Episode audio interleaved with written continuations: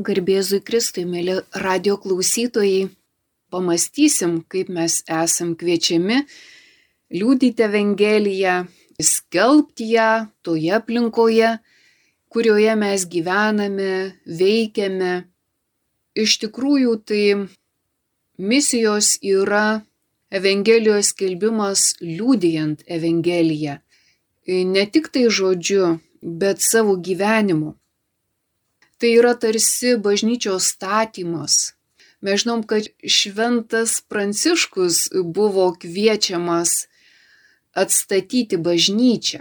Ir jis suprato iš pradžių tarsi atstatytą griūvančią bažnytėlę, bet, bet tai buvo jo misija - atstatyti apskritai bažnyčią. Taigi misija pasiuntinybė tai yra vat, tokia savoka, kuri tikrai gali žymėti ir naujų bažnyčių steigimą, ir apmirusių bažnyčių atgaivinimą, taip vadinamoji naujoji evangelizacija. Bet kasdienybėje tai reiškia Evangelijos skelbimą liūdėjant Evangeliją krikščioniui, kuris yra pašauktas sekti mokytoją Jėzų Kristų. Ir jeigu mes atsiverstume Mato Evangelijos devintą skyrių, Tai ten kaip tik ir rašoma, kad Jėzus ėjo per visus miestus ir kaimus, mokydamas jų sinagogose, skelbdamas karalystės evangeliją ir gydydamas visas žmonių lygas bei negalės.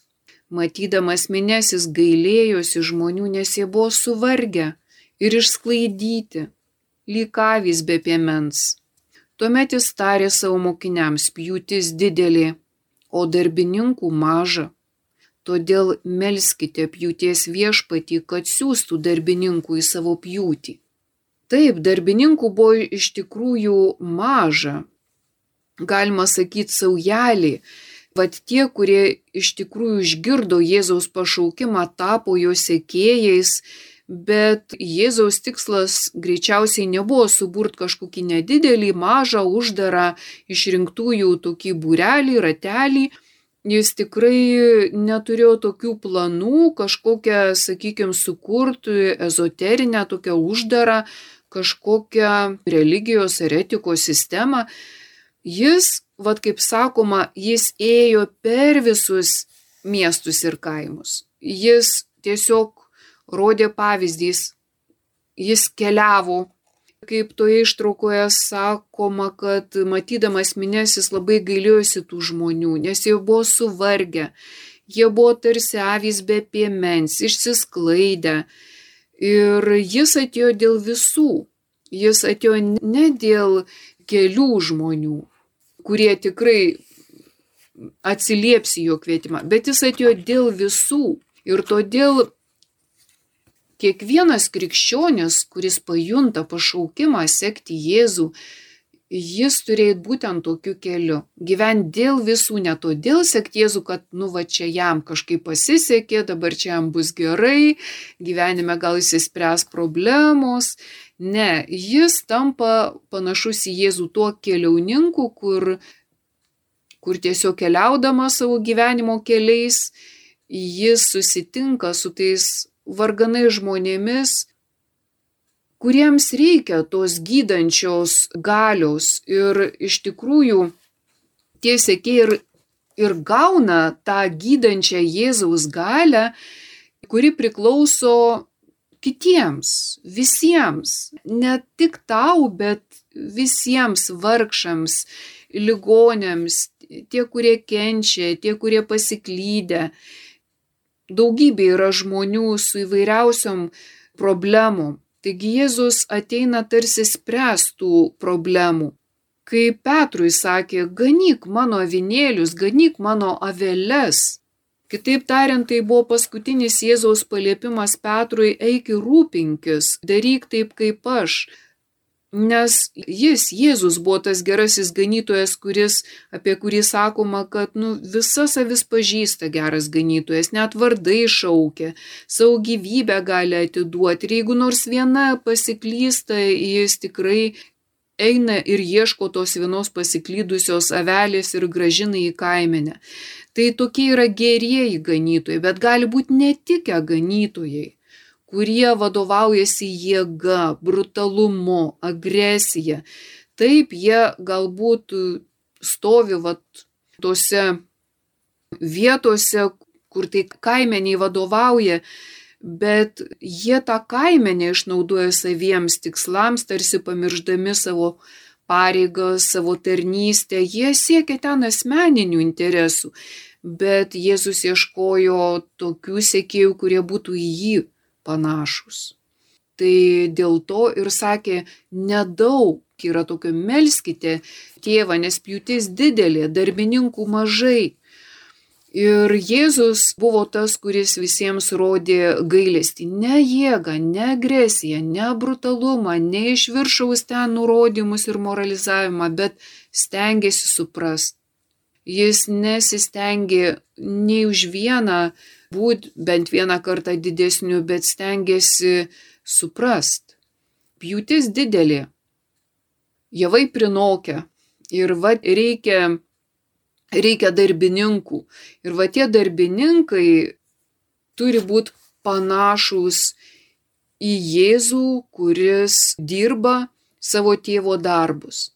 Taigi laukas prinokęs, kaip, kaip Jėzus pastebi, bet ir jis ieško pagalbos, kas jam gali padėti, kas su juo gali dirbti. Dėl to ir sako, melskit, prašykit, kad, kad siūstų tokių darbininkų, nes pjūtis jau atėjo. Būtent tie darbininkai ir yra visų pirma, tai, tai apaštalai, ar ne? Vėlgi toje mato Evangelijoje sakoma, kad pasišaukęs 12 savo mokinių jis suteikė jiems valdžią. Valdžią netyrosioms dvasioms, kad išvarinėtų jas ir gydytų visas lygas bei negalės. Taigi, vat Čia ir pasakojama, koks yra tas laukas, kokie čia yra darbai. Kad e, jeigu nepasirūpinsi laiku tuo lauku, tai netyrosios dvasios išnaudos savo visą tą lauką. Taigi jis pasišaukęs 12 mokinių suteikėms valdžią netyrosioms dvasioms, kad išvarinėtų jas ir gydytų visas lygas bei negalės. Ir mes žinom, kad dykumoje būtent e, piktoji dvasia pasirodo savo tais pagrindiniais veiklos būdais, e, gundimais, kad gundo daiktais, gundo turtais, gundo tai, ko mes sakytum reikia kūnui. Taip pat gundo tai, ko reikia mūsų sielai - garbės, pripažinimo, padėkų ir taip toliau. Ir taip pat gundo tai, ką mes galėtume susijęti su tokiu dvasiniu gyvenimu, kuris iš principo turėtų būti tarnystė kitiems, o iš kitos medalio pusės tai būtų valdžia.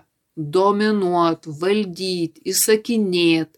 Ir va čia labiausiai reiškiasi būtent mūsų valia, kad būtų pagal mano valią, kad tai būtų taip, kaip aš sugalvojau. Bet Jėzus kuris pasišaukė apaštalus kaip bendradarbius, kaip pasiuntinius ir suteikė jiems visą valdžią, atrodo, oho, tikrai labai reikšminga. Apaštalai tikrai gauna ne, ne kokią nors doktriną, ne kažkokią ten specialią informaciją. Jie gauna tą galę, kuri ateina iš Jėzaus, ne iš jų. Jie gauna tą Kristaus dvasę, kurią jie nu, gali nugalėti patį piktąjį velnę. Jie gauna galę tiesiog um, susidorot su velnio gundimais ir padėti visiems, kurie yra nukentę tiek kūno, tiek sielos, tiek dvasinė prasme. Va čia yra įvairaus pobūdžio lygos, kurias Jėzus gydė ir kaip tik tie mokiniai gauna galę. Didžiausia velnio gale yra ta velnio gale, kad jisai tiesiog moka tai pasislėpti, nu, tarsi apsimes neegzistuojančių.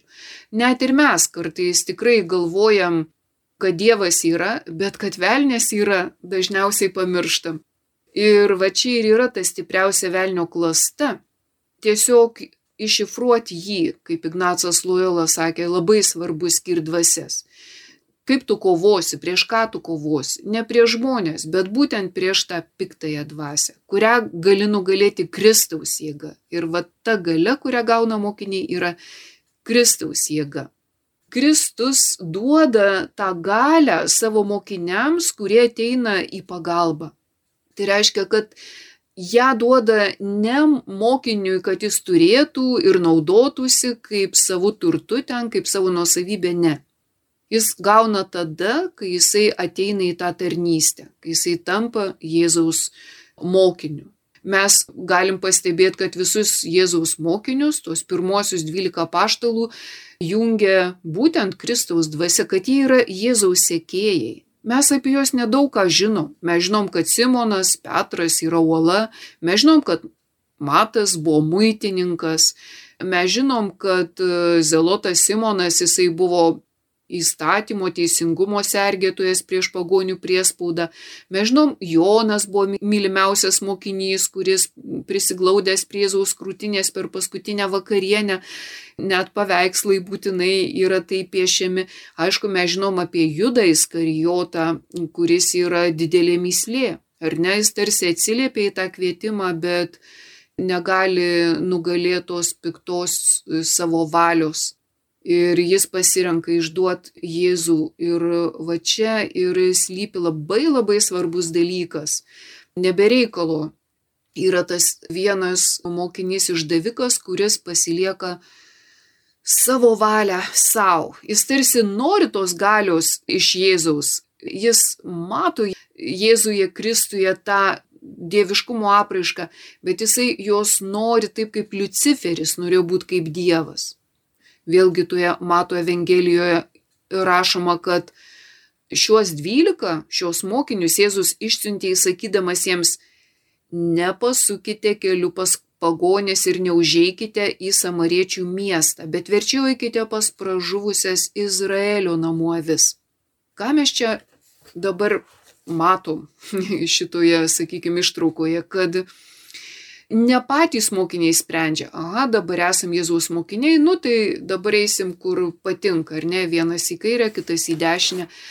Tai Vatjudas būtent turėjo e, tokį gudrų sumanimą, kad jis darys taip, kaip jam naudingiausia. Bet Jėzus savo mokiniams čia ne apie jokią naudą kalba, bet apie konkretų darbą. Jų darbas yra Kristaus darbas, jie absoliučiai yra priklausomi nuo Jėzaus valios ir tiesiog viskas yra nustatyta, ne, ne jiems čia reikia rūpintis, jie nepasirenka to tarnystės lauko, į kurį jie keliaus ar kur, kuriame darbuosis Ir taip aiškiai čia leidžiama suprast, kad jie čia dirbs ne, ne savo vykdys, ne savo planus, bet dirbs Dievo, dievo darbą, vykdys Dievo planus.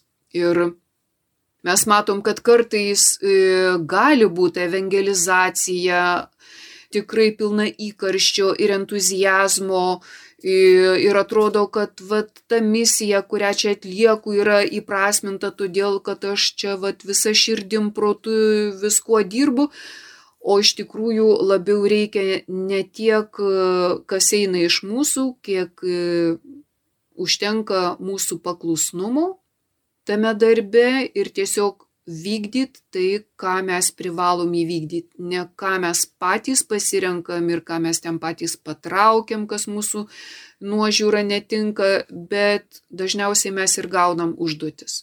Ir kad kartais atrodo, va, aš ten galbūt kito vietoje daug geriau ten padaryčiau, Bet čia ne tau, Martinai, mėlynas dangus, ar ne, kaip yra ta daina. Kitaip tariant, ne tu ten siunčiamas, rūpinkis e, va ta mis, misija, e, kuri tau yra skirta, kur tu esi siunčiamas.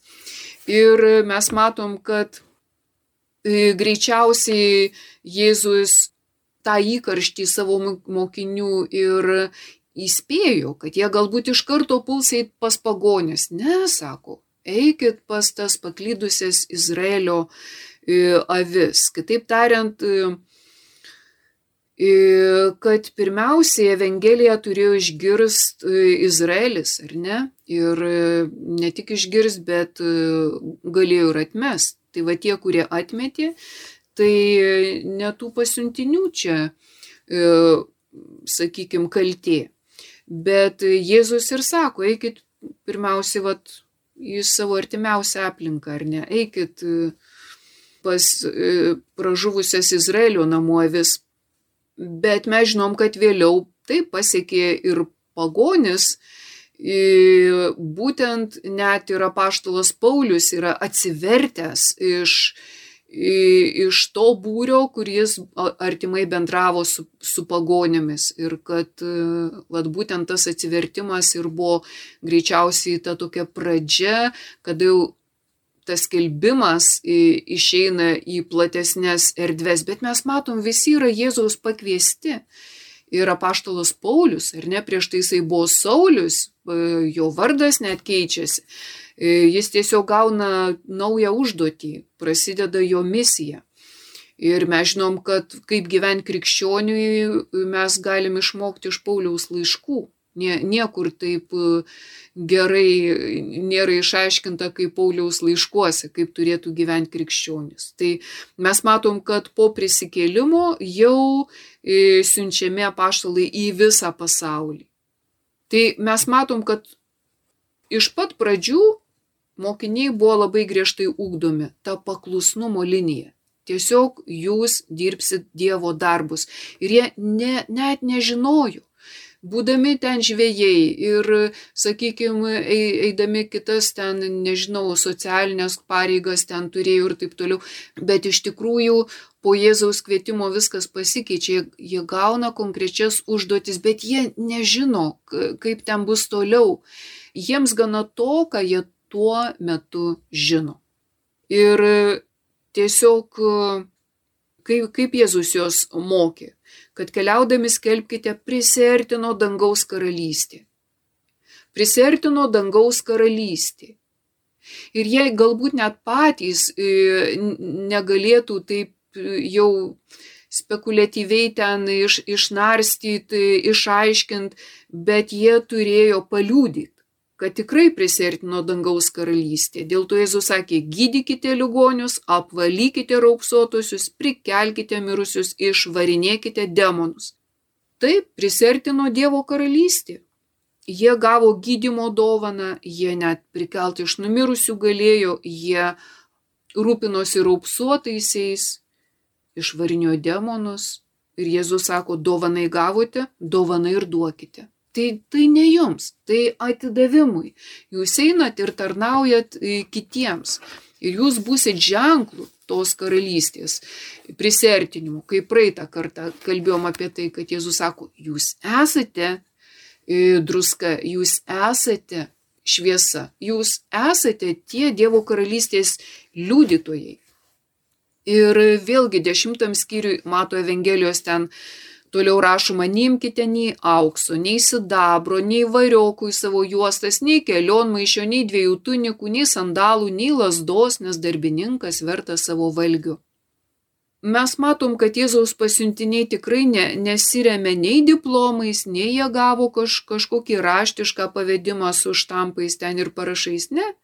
Ne jie turi kažkokią aukštą ten socialinę padėtį, ne netgi iš apaštalo Pauliaus jinai tarsi atimama, nes jo kolegos sako, tu iš vis nušokai nuo proto, tu, tu jau tu ne, ne, su tavim neverta bendraut, tu jau nesi iš mūsų. Kaip, kaip tu toks išsilavinimas galėjai taip, taip nugarmėti žemyn, nes iš pat pradžių į krikščionį žiūrėjo kaip į tokius, nu, nežinau, labai žemo luomo, ar ne, tam tikras toks judėjimas, tų visų skurdžių, tų, tų visokių elgetų. Ir, ir kaip paštalas Paulius ten įsirašo, nu tai kur ten aukšto luomo pagonims e, tiesiog jiems nelygis e, turėti tokį draugą. Tai mes matom, kad nu nėra ko čia pasigirti nei nei kažkokia padėtis aukšta, nei tu labai vertinamas. Ir Jėzus sako, dovanai gavote, dovanai ir atiduokite. Kitaip tariant, parodykit žmonėms, kokius e, didelius ir gausius turtus jūs norit išdalinti. Nes tikrai, jeigu tu pradedi dalintis, tu pamatai, kiek tu visko turi atiduoti, kokie turtai tau suteikti. Kaip e, vėlgi sakoma, apaštalų, nu, berots apaštalų darbuose bijau suklyst, e, o gal ir ne. Bet sakinys skamba taip. O kągi tu turi, ko nebūtum gavęs, gal Jokūbo laiškė. Kągi tu turi, ko nebūtum gavęs. Taigi, turit gausybę turtų. Dovanai gavot, dovanai atiduokit. O savo netrokškit nič nieko. Jokios naudos. Kitaip tariant, va čia ir yra, kai mes kartais nesuprantam, ką reiškia ten nelaikyk neapykantoj, ar ne ten, jeigu savo artimųjų, tarkim, jeigu nori sekti Jėzų, tai reikštų, kad prie ko mes labiausiai prisirišę? Prie savo artimųjų. Tai vad neturėk nieko, ko tu negalėtum atiduoti dėl dievų. Taip kaip mažoji teresėlė, misijų globėja. Jis net, nu kartais O taip kaip kalbam, tai atrodo, nu kaip jinai galėjo palikti savo tėvą, mažiausia, jau likus namuose, nu kad lyg ir neteisinga buvo eiti į vienuolyną. Ir dar tokiam jaunam amžiui, ir taip tam tėvui sergančiam buvo sunku. Bet neturėk nieko, ko negalėtum atiduoti dėl Jėzaus. Jis tą suprato. Ir va jinai yra ta misijų globėja, nes jos tas variklis yra meilė. Jėzus sako, kaip reikia įti misijas, būtent su mylinčia širdim. Nes meilė yra dovanojanti, dalyjanti ir nieko netrokšk. Ne tik tai čia galvojam apie pinigus ar apie turtus, ne, sako darbininkas vertas savo atlygio, tu gausi ir pinigais ir visai kitaip, bet pats į šitus dalykus nesivelk. Kitaip tariant, nei tų pinigų skaičiuok, nei trokš ten susižavėjimo ar pagarbos, nei labai norėk tenai valdžią rodyti, kitaip tariant, tu esi va tas, kuris ką gavai, tą atiduodi. Ir šitoj vietoj mes matom, kaip Jėzus tuos mokinius auklėje ir ne, labai aiškiai jam pasako, net ko nereikia pasimti kelią. Kad ta kelionė būtų lengva, kitaip tariant, tu esi tik tarnas, net iki smulkmenų pasako, ar ne, kaip, kaip, kaip, kaip elgtis e, keliaujant į misiją, sakykime, kaip sako, neimkite nei aukso, nei sidabro, nei, nei variokų į savo juostas, nei kelionmaišio, nei dviejų tunikų, nei sandalų, nei lasdos, nes darbininkas vertas savo atlygio.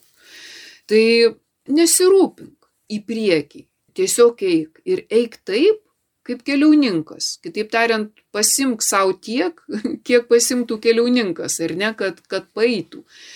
Ir žinoma, kad dienos pabaigoje tas keliauninkas gaus ir kur pernakvot, ir, ir ką užkast, kitaip tariant, kaip šventas Pranciškus sakė, jeigu ten padangių paukščiai, laukų lelijos aprūpintus, tai ko dabar mes čia sukam galvą.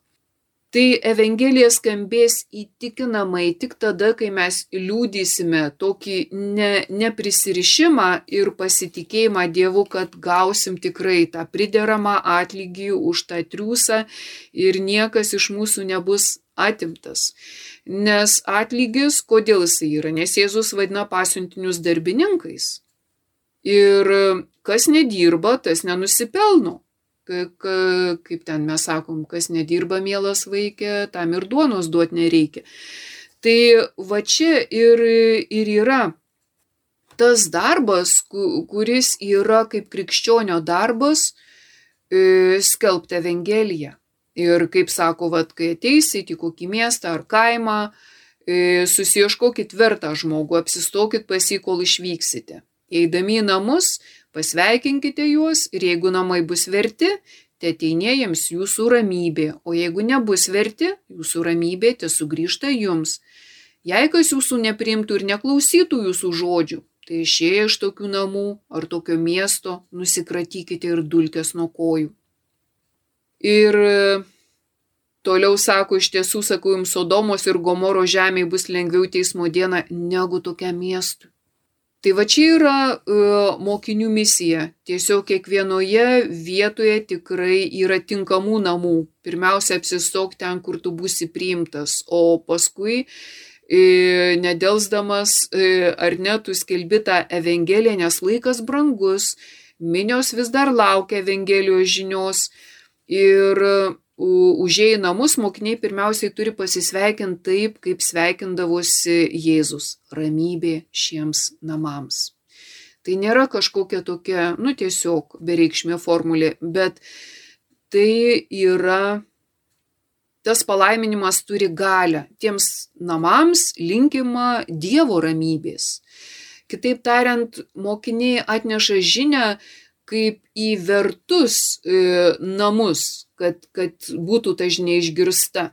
Bet ta žinia yra tokia paprasta, tokia iški, kad kartais dėl, dėl to paprastumo ir aiškumo e, ji yra tiesiog nepriimama. O tas e, paprastumas ir aiškumas tai yra, kad Dievo karalystė čia pat.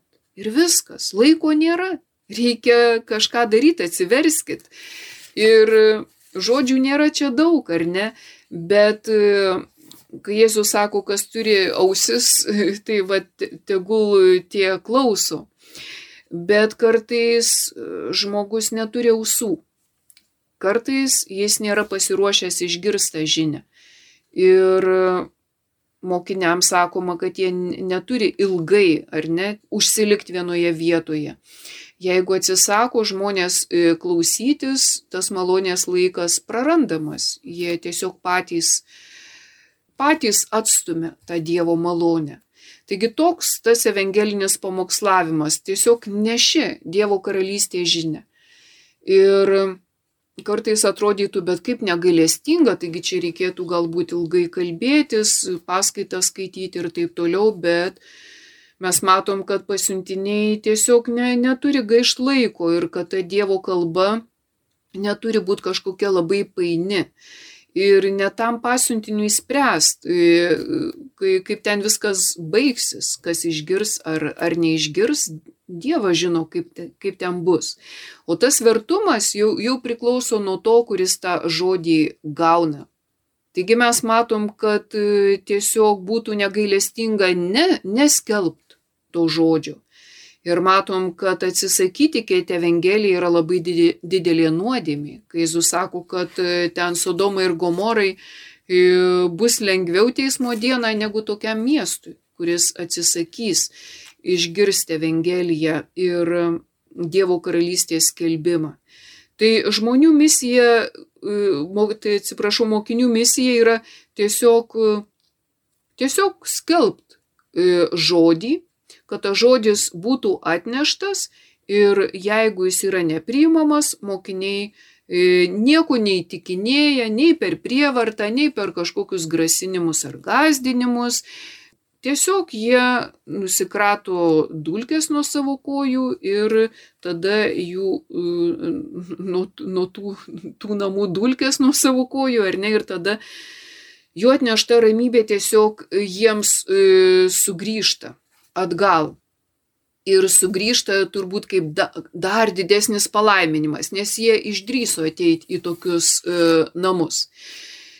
Taigi mes matom, kad e, tie pasiuntiniai dažnai nukenčia. Ir Jėzus va toliau toje mato Evangelijoje dešimtam skyriui ir sako, aš siunčiu jūs kaip avis taip tarp vilkų, todėl būkite gudrus kaip žalčiai ir neklastingi kaip balandžiai. Saugokite žmonių, nes jie įskūs jūs teismams, plaks sinagogose, jūs būsite dėl manęs vedžiojami pas valdytojus ir karalius liūdyti jiems ir pagonims, kai jie jūs įskūs, nesirūpinkite, kaip arba ką kalbėsite, nes tą valandą jums bus duota, ką jūs turite sakyti.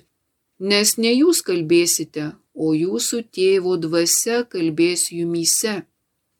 Tai va, Ir toliau sakoma, bet kas ištvers iki galo bus išgelbėtas.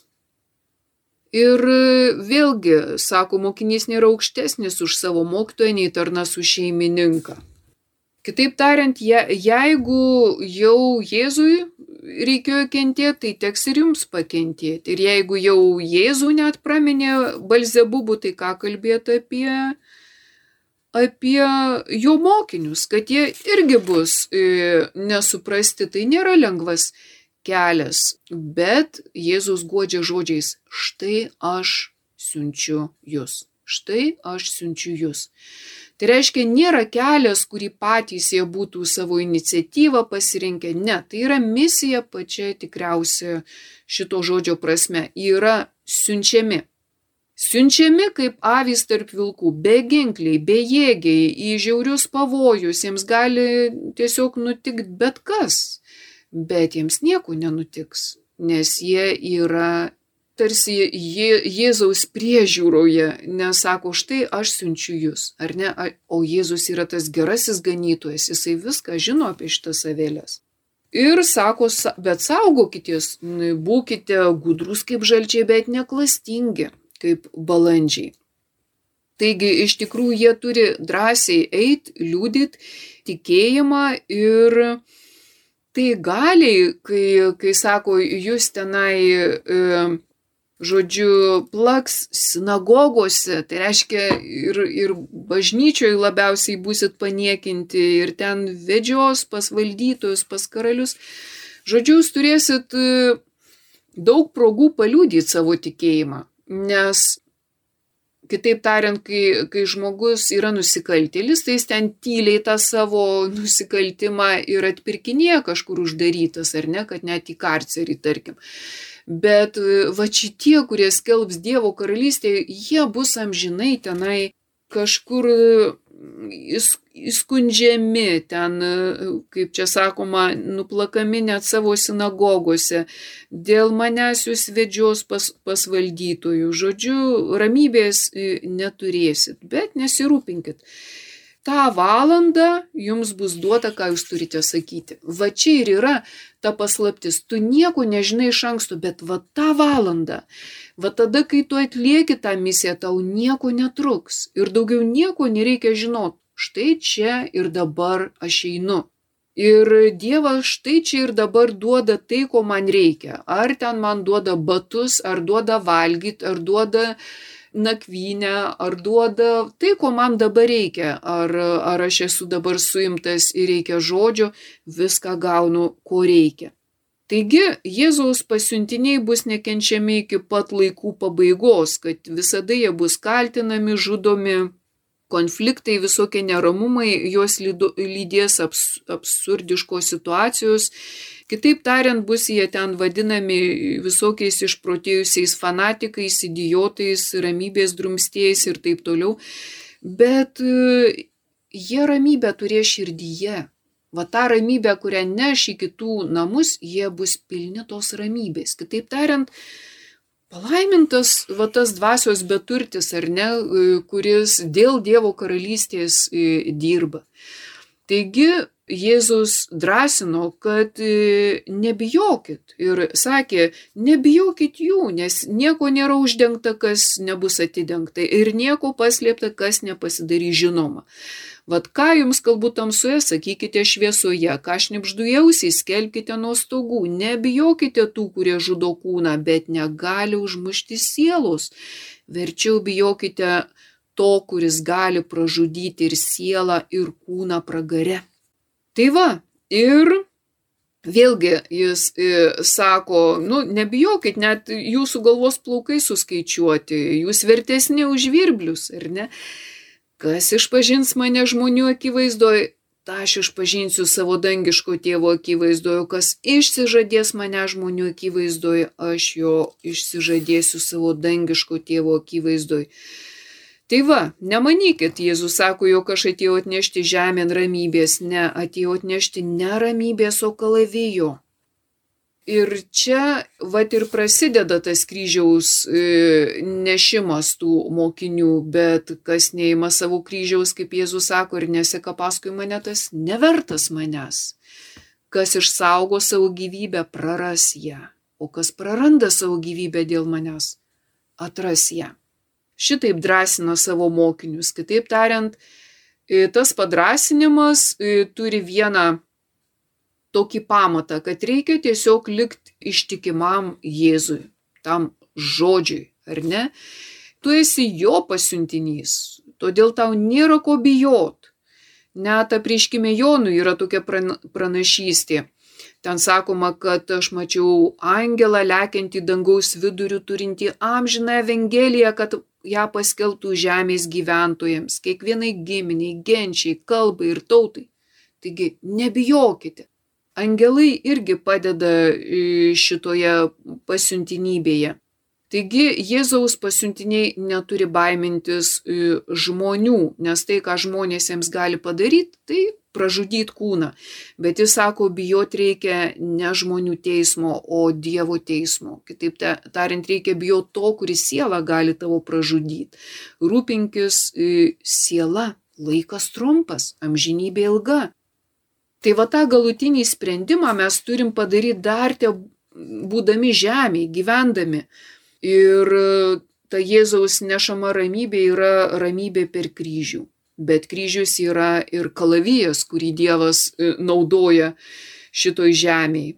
Ir e, vat iš tikrųjų, kad kryžius kartais ir yra per kurį tarsi mes užsitraukiam ir kitų panieką, ir visokias nepatogias situacijas, bet Jėzus kalba ir apie vaisius, sako, nu, kas jūs priima, tas mane priima, o kas priima mane, priima tą, kuris mane siunti. Kitaip tariant, jeigu tu esi Jėzaus mokinys, tai tu esi tarsi tas Dievo karalystės kelbėjas ir tu taip pat pildai Dievo valią šitoje žemėje ir kas gali būti geriau negu pildyti Dievo valią. Taigi pažadas už darbą yra. Kitaip tariant, Kristaus bendradarbiai būtent yra tie, kurie e, ne savo sumanimus, ne savo valią pildo, dėl ko Jėzus e, po dykumos ar ne po to supažindinimo su pagundomis kalba apie dvasios beturtystės tokį mokslą ir kitaip tariant praktiką, kad tai reikia pradėti gyventi kaip dvasios beturčiui. Tai dvasios beturtis yra tas, kuris ne savo žinojimu vadovaujasi sekant Jėzų, o Jėzaus žinojimu kad ne jis save kažkur siunčia, bet jis priima tą pasiuntinybę. Taigi ne, ne mano valia čia svarbiausia, bet mano paklusnumas Jėzui. Ir aš esu tik keliauninkas, o tą kelią žino Jėzus. Jis sakė, aš esu kelias, tiesa, aš esu gyvenimas. Tai sekant jį tikrai netruks nei gyvenimo, kad ta kelionė tikrai bus prasminga ir vedanti į tikslą. Ir kitas dalykas, čia ir yra ta beturtystė, kad ne mano žinojimas, ne mano valia, ne, ne mano planai, ne mano tos aplinkybės čia pasirinktos, bet aš tiesiog jas priimu. Tokios, kokios yra. Vat kur mane kviečia, kokiuose aplinkybėse. Atrodo, o gal aš netinku, gal aš kažko nežinau, bet aš sakau, gerai, siūsk mane, einu.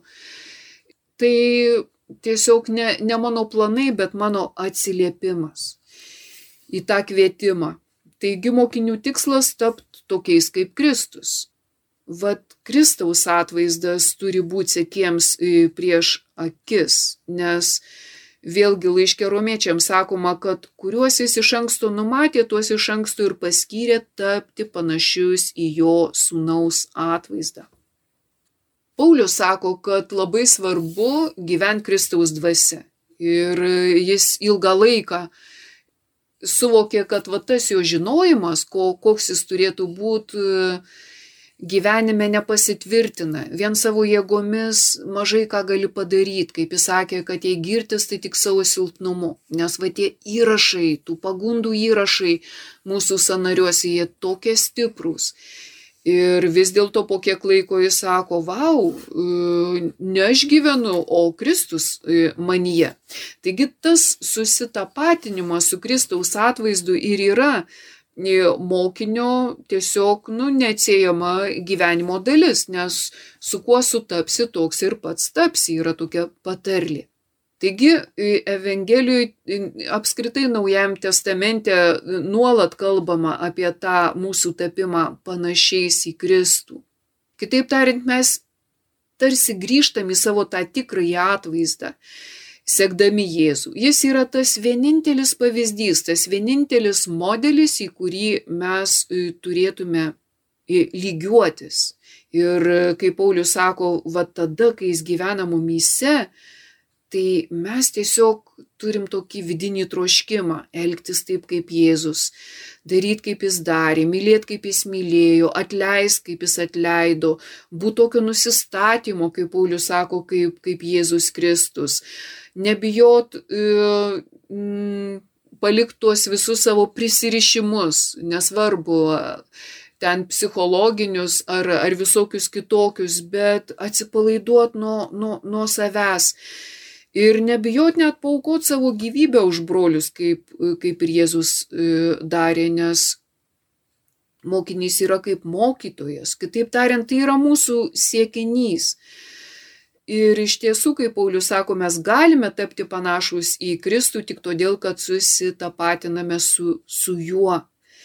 Va čia ir yra, į ką mes turėtume lygiuotis, kad e, mokinys turi žiūrėti į savo mokytoją Ir kai seki Jėzų Kristų, tai nesvarbu, ar tu jį seki dykumoje, ar į kalną, ar tu seki nešant kryžių, ar tu esi jau kartu su juo prisikėlimo džiaugsme.